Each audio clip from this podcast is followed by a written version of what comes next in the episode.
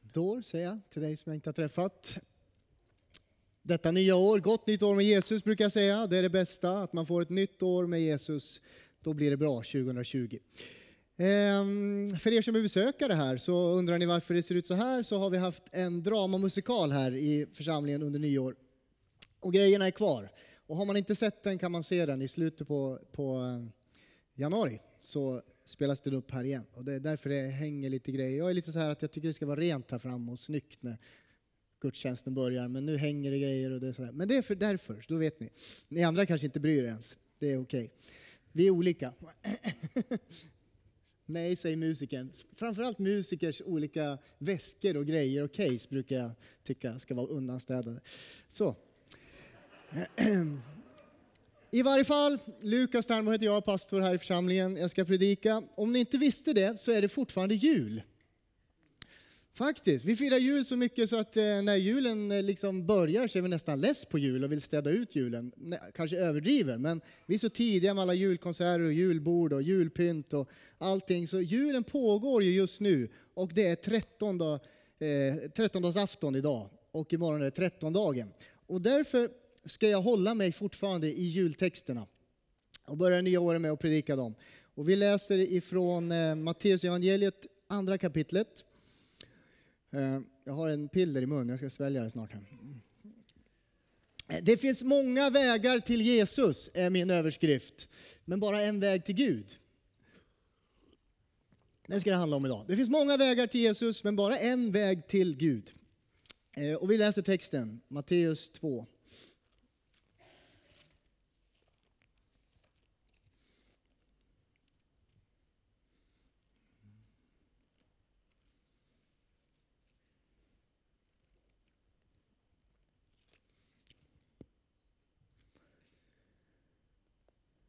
När Jesus hade fötts i Betlehem i Judeen på kung Herodes tid kom några österländska stjärntydare till Jerusalem och frågade var finns judarnas nyfödde kung? Vi har sett hans stjärna gå upp och kommer för att hylla honom. När kung Herodes hörde detta blev han oroad och hela Jerusalem med honom.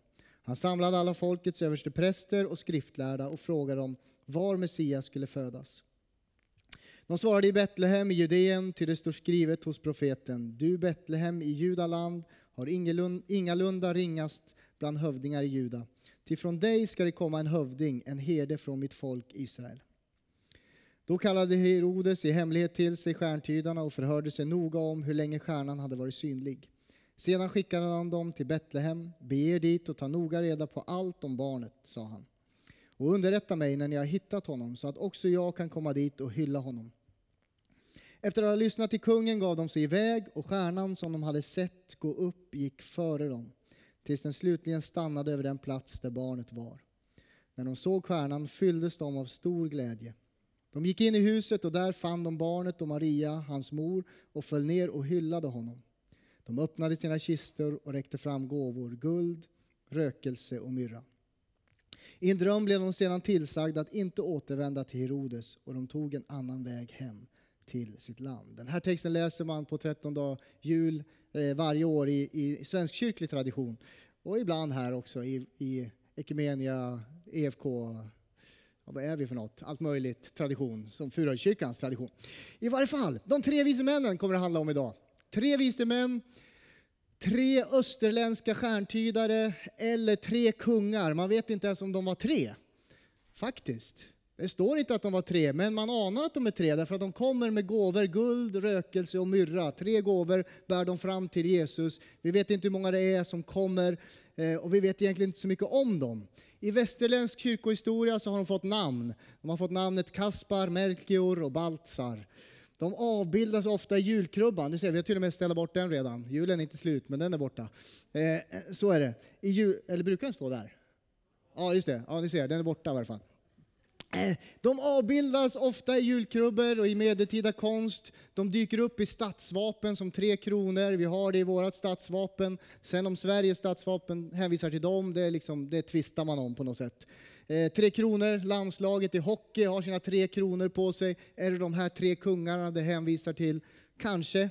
kungarna i varje fall förr, de kristna i Sverige, tog det här som sitt statsvapen. Tre kronor, tre kungar, de vise männen.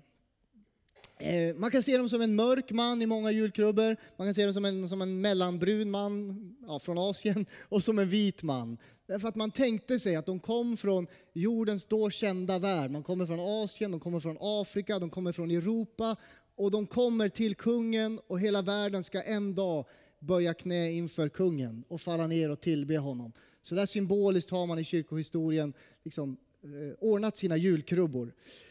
De eh, är ofta en gammal man, en medelålders man och en ung man därför att alla generationer ska falla ner inför kungen. Så här avbildar man genom kyrkohistorien de tre vise männen som kommer till Jesus. Man vet inte ens om de kommer till stallet, troligtvis inte, men vi vill ändå ha dem där i krubban. De kommer antagligen till Jesus någon annan gång, vid något annat tillfälle. Eh, inte direkt vid födseln, men det spelar ingen roll. Utan det är ju att de kommer till honom. Vi vet, det vi vet är att de är österländska stjärntydare. De är astrologer. De är inte astronomer. Men det ligger väldigt nära. På Jesu tid låg liksom astrologi och astronomi väldigt nära varann. Astronomi det är läran om, eh, om himlakroppar och stjärnor och sånt. Och planeters olika rörelser och så. Men astrologi,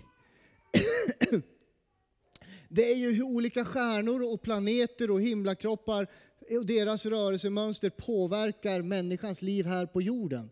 Alltså det är en tro. Det är inte bara att man studerar himlakroppar, utan man tror att det faktiskt påverkar våra liv här och nu. Det finns de som tror det fortfarande.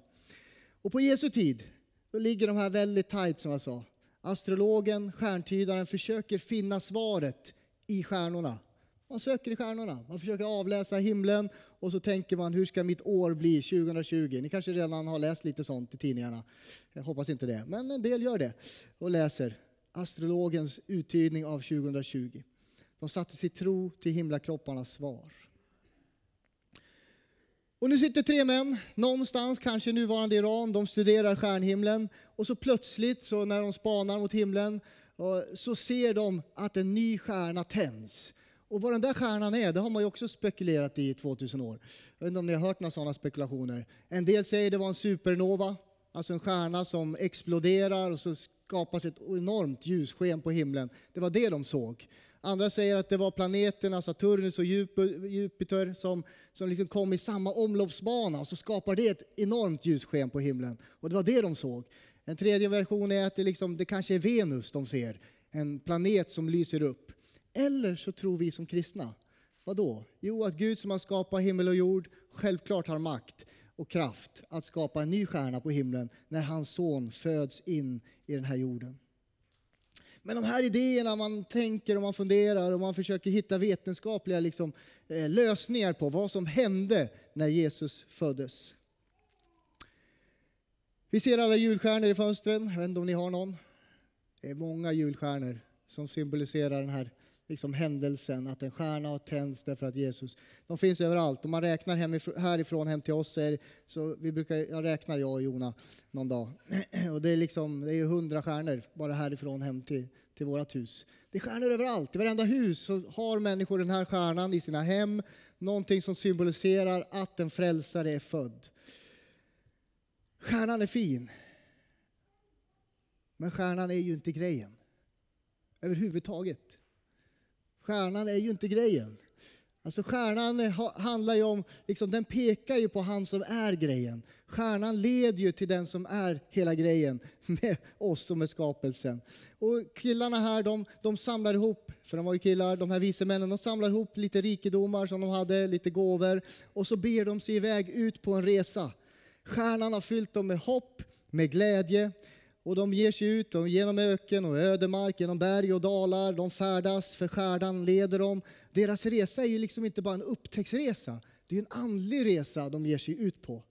Det handlar om deras roll i frälsningshistorien. Det handlar om att de ska få möta Guds son och falla ner i vördnad och tillbe honom. Jag tänker den här berättelsen är spännande. Tänk att Gud gör så här. När hans son föds in i den här världen så gör han på det här sättet.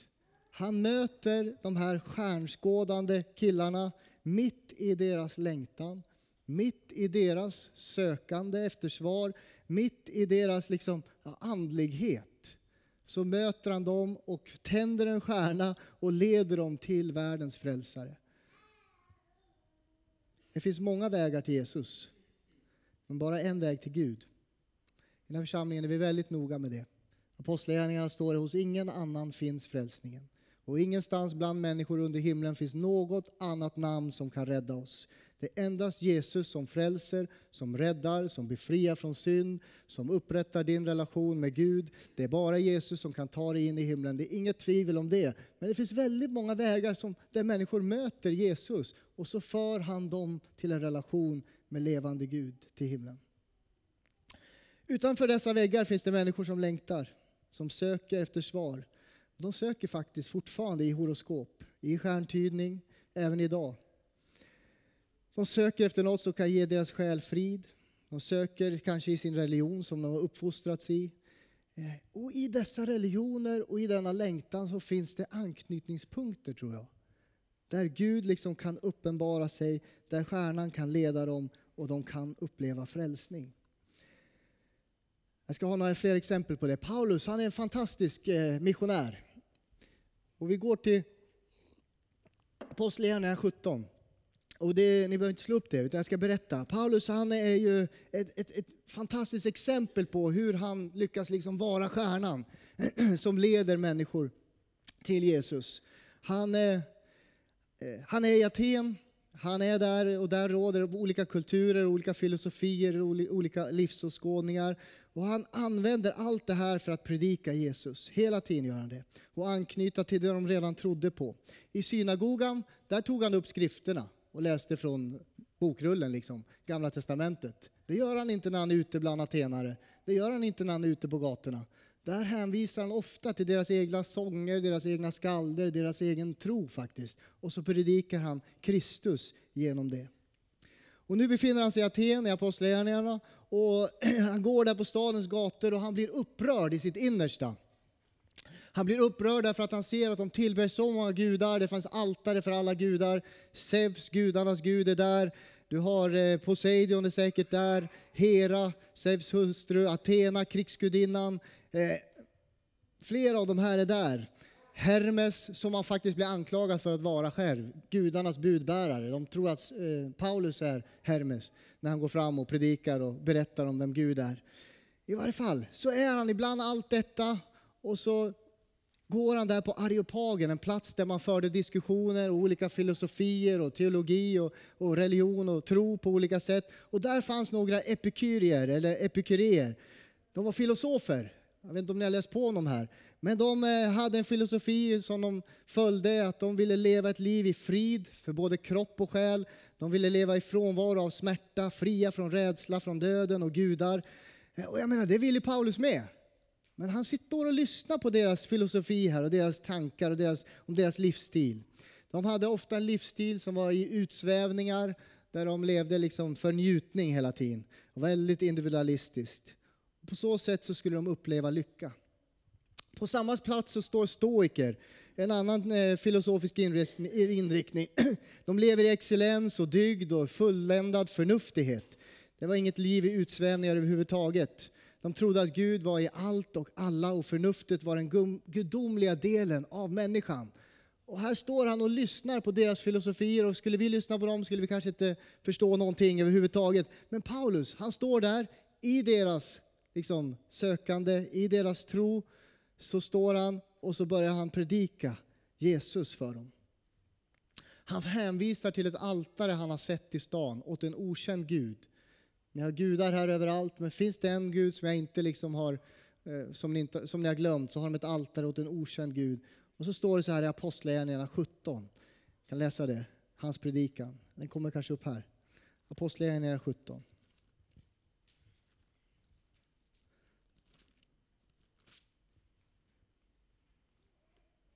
23. När jag har gått omkring och sett på era gudabilder har jag nämligen också upptäckt ett altare med inskriften åt en okänd Gud. Det som ni alltså dyrkar utan att känna till, det är vad jag förkunnar för er. Gud som har skapat världen och allt den rymmer, han som är herre över himmel och jord, bor inte i tempel, eh, som är byggda av människohand. Inte heller låter han sig betjänas av människohänder som att han behövde något. Han som själv ger liv, alla liv och anda och allt. Av en enda människa har han skapat alla folk. Han har låtit dem bo över hela jordens yta. Han har fastställt bestämda tider för dem eh, och de gränser genom vilka de ska bo. Det har han gjort för att de ska söka Gud och kanske kunna träva sig fram till honom. Han är ju inte långt borta från någon enda av oss. Till honom är det vi lever, rör oss och är till. Också några av era egna skalder har jag sagt, vi har vårt ursprung i honom. När vi nu har vårt ursprung i Gud, då får vi inte föreställa oss det gudomliga som något av guld eller silver eller sten, som något av människan format efter sina idéer eller med sin konstfärdighet. En lång tid har Gud haft överseende med okunnigheten, men nu ålägger han människor, alla överallt, att omvända sig. Ty han har fastställt en dag då han ska döma världen med rättfärdighet genom en man som han i förväg har bestämt därtill. Det har han bekräftat för alla människor genom att låta honom uppstå från de döda. När Paulus nämnde uppståndelse från de döda var det några som gjorde sig lustiga men andra sa vi vill höra dig tala mer om detta en annan gång. Därmed lämnade han de församlade. Det var dock några som slöt sig till honom och kom till tro bland annat Dionysos som var medlem av Areopagen och en kvinna vid namn Damaris och några till. Alltså där står han och jag tänker mig att Paulus är stjärnan. Därför vad är stjärnan idag? Stjärnan är ju församlingen. Det är ju du och jag. Stjärnan är inte grejen överhuvudtaget. Utan stjärnan är församlingen. Det är du och jag. Vi står mitt i människors sökande, mitt i människors längtan, mitt i människors liksom andliga resa. Och där kan vi stå och förkunna Kristus, leda dem till Jesus. Det finns många vägar till Jesus, men bara en väg till Gud. Du vet, eh,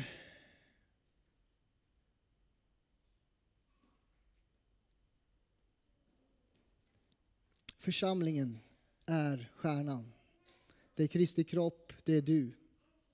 Och I den här församlingen under 2020 har vi en målbild som vi alltid har. Och jag vill att den kommer upp här. Det skulle kunna vara en stjärna. Det här är det vi vill göra i vårt samhälle genom vår församling. Vår församling vill älska Herren, vår Gud, av hela vårt hjärta, med hela vår själ och med hela vårt förstånd. Vi vill älska Jesus. Vi vill att världen ska se att här lyser en stjärna därför att här älskar vi Jesus. Här älskar vi också varandra. I den här församlingen vill vi döpa människor som har kommit till tro på Jesus. Vi vill utrusta människor. Vi vill utrusta människor med Guds ord som vi har hört idag vittnas om hur viktigt det är att läsa. Vi vill utrusta dig. Så att när du kommer ut och är stjärna i världen så behöver du faktiskt inte hålla upp det här ordet. Faktiskt. Du behöver inte komma, det sa vi alltid när vi knackade dörr. Vi har knackat dörr när jag var ungdomsledare här i hela Tunaområdet och överallt där. Eh, då gick vi ut ett gäng ungdomar och knackade dörr och vi hade inte Bibeln med oss. kan man ju tycka, man borde ha när man knackar på. Nej, den hade vi inte med oss därför den bar vi inom oss. Vi var utrustade med Guds ord, vi var förberedda på vilka frågor som kunde komma och så delade vi ordet för det bar vi i våra hjärtan. Vi vill utrusta er så att du kan vara ljus på arbetsplats. Du behöver inte lägga fram Bibeln hela tiden för att visa. Du bär ordet, levande ordet inom dig. Vi vill sända ut människor. Gå ut. Gå ut och gör folk till lärjungar och vill, vill betjäna. Det här är liksom att vara stjärnan i vår tid. Vi står stå mitt i människors sökande, i längtan i världen och visa att vi älskar Jesus, vi vill betjäna människor, vi vill älska andra människor och vill utrusta lärjungar, gå ut och förkunna, proklamera, argumentera, försvara tron på Jesus, döpa och lära nya människor vad ett liv i efterföljelse handlar om. Det är stjärnan. Vi är stjärnan som står som medlare mellan Gud och människor. Det finns en massa sätt att göra det här på. Och jag ringde en kompis. Jag är lite förkyld. Jag dricker mycket idag. Det gör jag alltid för sig. Jag ringde en kompis som jag eh, umgicks lite med när jag var med i Pingstkyrkan i Örebro för länge sedan. Och nu råkar han vara gift med Mias eh, syster Rebecka. Och så ringde han, Henrik heter han, och, så, och de bor i Örebro. Och han, han har varit den här stjärnan, verkligen. Jag påmindes om honom när jag förberedde det här. Bara för att få ett exempel på hur man kan vara stjärnan i vår tid. Men han, Henrik, han är med i en kristen församling i Örebro Och de har blivit ledda att de ska vara i den här världen just med nyandlighet. På tal om astrologerna och allt det här. De ska vara i den världen och där ska de förmedla Jesus och vara stjärnan. Och han tillsammans med Mosaik i Uppsala, den här församlingen i Uppsala, så åker de runt på mässor. Och jag tänkte så här, nyandlighet det är väl nästan över nu, eller? Faktiskt, i min värld har jag blivit så isolerad så jag tänkte, är det någon som ens håller på med det där längre? Eh, för det har inte, vi snackar inte lika mycket om det som vi gjorde för 20-25 år sedan i alla fall. Eh, tycker jag, där jag befinner mig.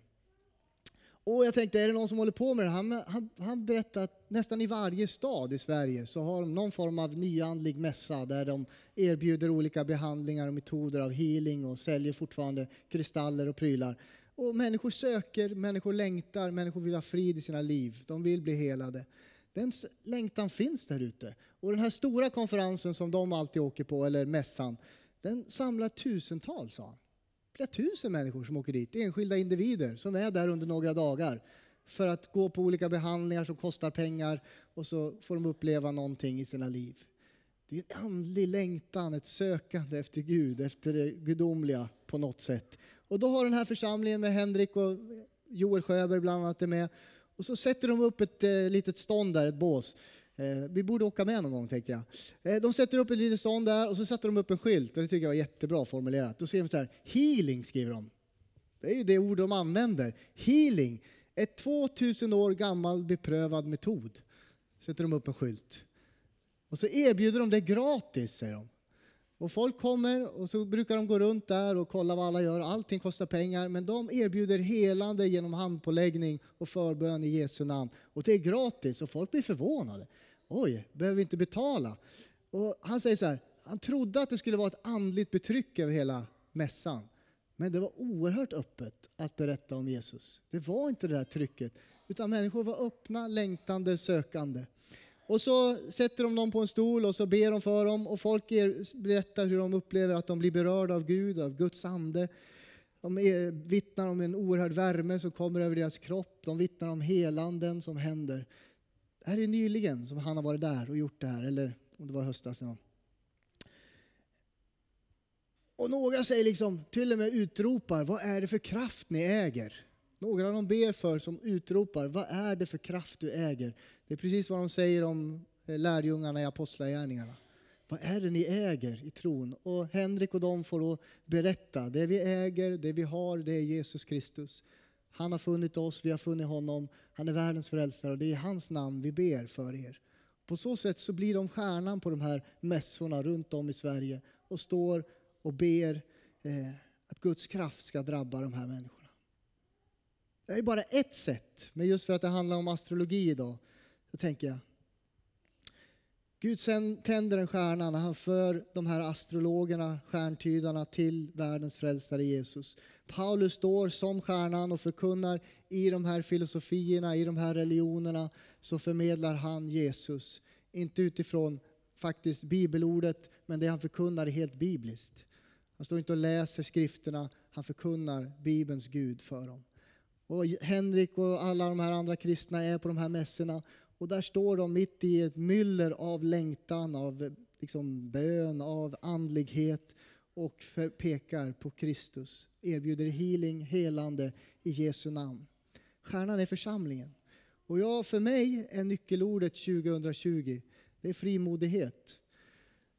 Vi, vi hörde i förra predikan förra helgen, liksom, Herren är med dig, du tappre stridsman. Som, och det handlar ju om frimodighet. Och jag menar inte att du behöver vara mer gasad än någonsin och mer, liksom, försöka bli mer brinnande. Jag menar att du ska vara frimodig med det du äger och har. Henrik sa det hela tiden. Det jag har fått från Gud, det vill jag ju ge. Helt naturligt, helt enkelt. Det lät så otroligt lätt när han säger det. Mia kan säkert vittna om det också när han berättar om det här. Att han, det, här är som, det känns så självklart för honom när han pratar om det. Det jag har fått från Jesus vill jag ge och vara frimodig. 2020, liksom i Alunda, hitta de här anknytningarna in i människors liv. Lyssna. Vad rör sig i deras liv? Försöka hitta, finns det något sätt där jag kan få berätta om min tro, om Jesus för de här? Kanske be med någon. Jag hade en tjej i Norsjö, hon var fantastisk på det här. Jenny hette hon, det heter hon fortfarande. Var hon än var så träffade hon människor som hon fick be för. Det bara var en del av hennes liv. På, på eh, parkeringen utanför Ica stod hon och bad för en, eh, en holländare en gång när jag kom förbi. Ja, han hade så ont i ryggen och då erbjöd jag mig att be och han sa ja, du måste be för mig. Det var bara en naturlig del av hennes liv hela tiden. Och det är det jag menar med frimodigheten i våra liv. Låt det komma när vi sitter där och hör och samtalar med människor, för vi träffar folk. Kan du vara frimodig? Du bär ordet inom dig, du är stjärnan. Det är inte du som är grejen, du leder till Jesus som är grejen, världens frälsare. Ta det här ordet till dig idag, nu ska vi be. Jesu namn. Tackar dig Jesus. Lovsångsteam, ni kan komma fram. Vi ska ha en bönestund, vi ska inte bjuda in till förbön idag, utan jag tänker att vi ska be. Vi ska be och sjunga några lovsånger.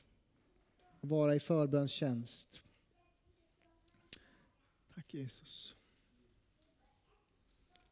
Tackar dig Jesus, tackar dig för hur du, tackar dig Gud faktiskt, för hur du väljer att nå människor. Mycket mer specifikt och bra än vad vi kan komma på på något sätt. Tack Jesus. Du väljer att nå de här österländska stjärntydarna med att tända en stjärna. Mitt i deras tro, deras religion, deras tillbedjan möter du dem och leder dem till dig Jesus. Tack Herre. Herre, ber att vi ska kunna vara här idag. Vi ska vara den här stjärnan. Vi som är din kropp, din församling, var och en enskilda medlemmar ska kunna vara den här stjärnan som, som frimodigt står upp för dig under 2020. Frimodigt.